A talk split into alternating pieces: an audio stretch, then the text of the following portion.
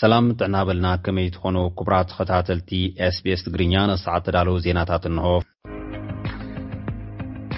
ኣብ ትግራይ ኣቐዲሞም ብሰንኪ ኩናት ዝተመዛበሉ ሰባት ናብ ዓዶም ንምምላስ ኣብ ዘማዕድውሉ ዘሎ ወቕቲ ብኣሽሓ ዝቑጸሩ ሓደሽቲ ተጋሩ ይመዛበሉ ከም ዘለዉ ተገሊጹ።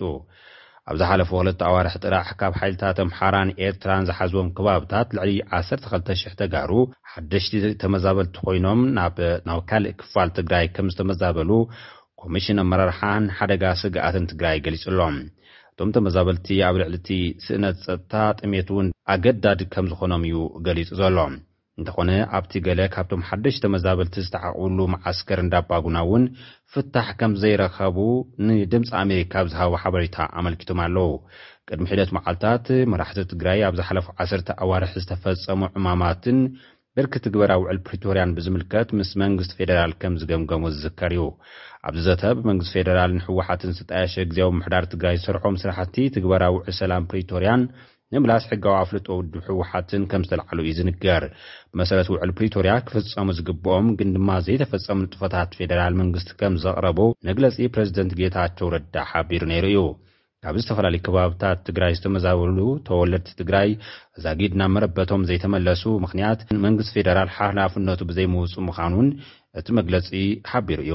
ጉዳይ ምምላስ ሉኣላዊ ግዝኣት ትግራይን ምምላስ ተመዛበልትን እውን ዝርርብ ተገይርሉ እዩ ዝብል ፕረዚደንት ጌታቸው ረዳ፣ ምስ ጉዳይ ሪፈረንደም ተተሓሒዙ ኣማኢት ኣሽሓት ሰፈርቲ ኣብ ዝሰፈርሉ፣ ትካላት ፌደራል ዴሞግራፊ ንምቕያር ኣብ ዝንቀሳቐስሉን ተመዛበልቲ ናብ መረበቶም ከይተመልሱ፣ ክፈርሱ ዝግበኦም ኣካላት ከይፈረሱ፣ ህዝብና ሓራ ኣብ ዘይወፀሉ ኩነታት ሪፈረንደም ምግባር ከም ዘይከኣል ብግልፂ ኣቕሪብና ኢና ክብል እውን ኣብቲ ዝሃቦ መግለፂ ሓቢሩ እዩ። ንትግራይ ኣዝዩ ትሑት በጀት ከም ዝተውሃበን ዳግመ ሕውየትን ህንፀትን ክስርሑ ዝግብኦም ጠለባት እውን መንግስቲ ፌደራል ክፈልጦም ከም ዝተገብሩ እዩ ኣብሪሁ። ቅድሚ ሒደት ዓመታት ኣብ መንጎ መራሕቲ ትግራይን መንግስቲ ፌደራልን ብዝተልዓለ ምስሕሓብ ስዒቡ ኣብ ውሽጢ ሰራዊት ምክልኻል ኢትዮጵያ ዝፀንሑ ኣሽሓት ተወለድቲ ትግራይ ብመንነቶም ኣብ ቀይዲ ምእታዎም ዝፍለጥ እዩ።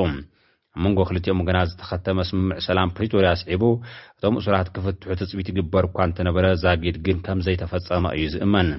ምስዚ ብዝተኣሳሰር እቶም ኣባላት መከላኸሊ ሰራዊት ኢትዮጵያ ዝነበሩ ተጋሩ ብቕልጡፍ ንክፍትሑ ኣብ ምርዳእ ከምዝተበፅሐ እውን ፕረዝደንት ጌታቸው ረዳ መብርሂኡ ገሊፁ እዩ። እቲ ደማዊ ኲናት ኣብ ዝካየደሉ ዝነበረ እዋን ኣስታት ክልተ ዓመት ኣብ ትግራይ ዝርከቡ ሰራሕተኛታት መንግስቲ መሃያ ከም ዘይተኽፈሎም ኣብቲ ዘተ ከም ዝተላዕለ እውን ኣነጺሩ እዩ። እቲ ንክልተ ዓመት ዝቐጸለ ደማዊ ኲናት ትግራይ ኣብ ትግራይ ልዕሊ ሰማንያ ቢልዮን ዶላር ዕንወትን ክሳራን ከም ዘስዓቡ እውን ፕረዚደንት ጌታቸው ረዳ ሓቢሩ እዩ። ኣብ ቀጻሊ ወርሒ መጋቢት ወከልቲ ግዝያዊ ምምሕዳር ትግራይን መንግስቲ ፌደራልን ተወከልቲ መንግስቲ ኣሜሪካ፣ ሕብረት ኣፍሪካን ደቡብ ኣፍሪካን ኣብ ዝተረኽብሉ ጉዳይ ኣፈፃፅማ ውዕል ፕሪቶርያ ክግምገም ምዃኑ እውን እቲ ፕረዚደንት ኣብ መግለፂኡ ሓቢሩ እዩ። ኣብ መንጎ እዚ ግን ካብ ወርሒ ጥሪ ንደሓር ልዕሊ ዓሰርተ ክልተ ሽሕ ሓደሽቲ ተመዛበልቲ ትግራይ ናብ መዓስከራት ትግራይ ከምዝኣተዉ እቲ ግዝያዊ ምምሕዳር ትግራይ ንድምፂ ኣሜሪካ ኣብ ዝሃቦ ሓበሬታ ኣመልኪቱ ኣሎ። ኣብ መወዳእታ፣ መንግስቲ ኢትዮጵያ ብወተሃደራቱ ኣብ ኣምሓራ ተፈጺሙ ዝተባህለ ቅትለት ሰላማውያን ሰባት ነጺግዎ። ኣብ ዝሓለፈ ወርሒ ኣብ ሰሜናዊ ክፋል ከተማ መራዊ ሰራዊት መንግስቲ ኢትዮጵያ ገዛ ገዛ እናኣተወ ብውሕዱ ኣርብዓን ሓሙሽተን ሰላማውያን ሰባት ከም ዝቐተለ ጉጅለ ተጣበቕቲ ሰብኣዊ መሰላት እታ ሃገር ኣብ ዘውጽእዎ ጸብጻባት ገሊጾም እዮም። ካብቶም ዝተቐትሉ ነብሰጹር ከም እትርከቦምን መሰኻኽር ዓይኒ ንማዕከናት ዜና ክገልጹ ጸኒሖም እዮም። እታ ነብሰጹር ብጥይት ከም ዝተወቕዐትን ናብ ሆስፒታል እኳ እንተበጸሐት ብሕክምና ከም ዝሞተትን ሰብ ሞያ ሕክምና'ውን ዝሓበሩ ኮይኖም፣ መንግስቲ ኢትዮጵያ ብዛዕባ እቲ ቅትለት መግለጺ ከይሃበ ድሕሪ ምጽናሕ ትማል ረቡዕ ኣብ ዘውጽኦ መግለጺ ግን ንስቪላውያን ሰባት ዒላማ ዝገበረ መጥቃዕቲ ብሰራዊት መንግስቲ ኣይተፈጸመን ብምባል መንግስቲ ኣብ ልዕሊ ሰራዊቱ ንዝቐርብ ዘሎ ክሲ ተኸላኺሉ ኣሎ።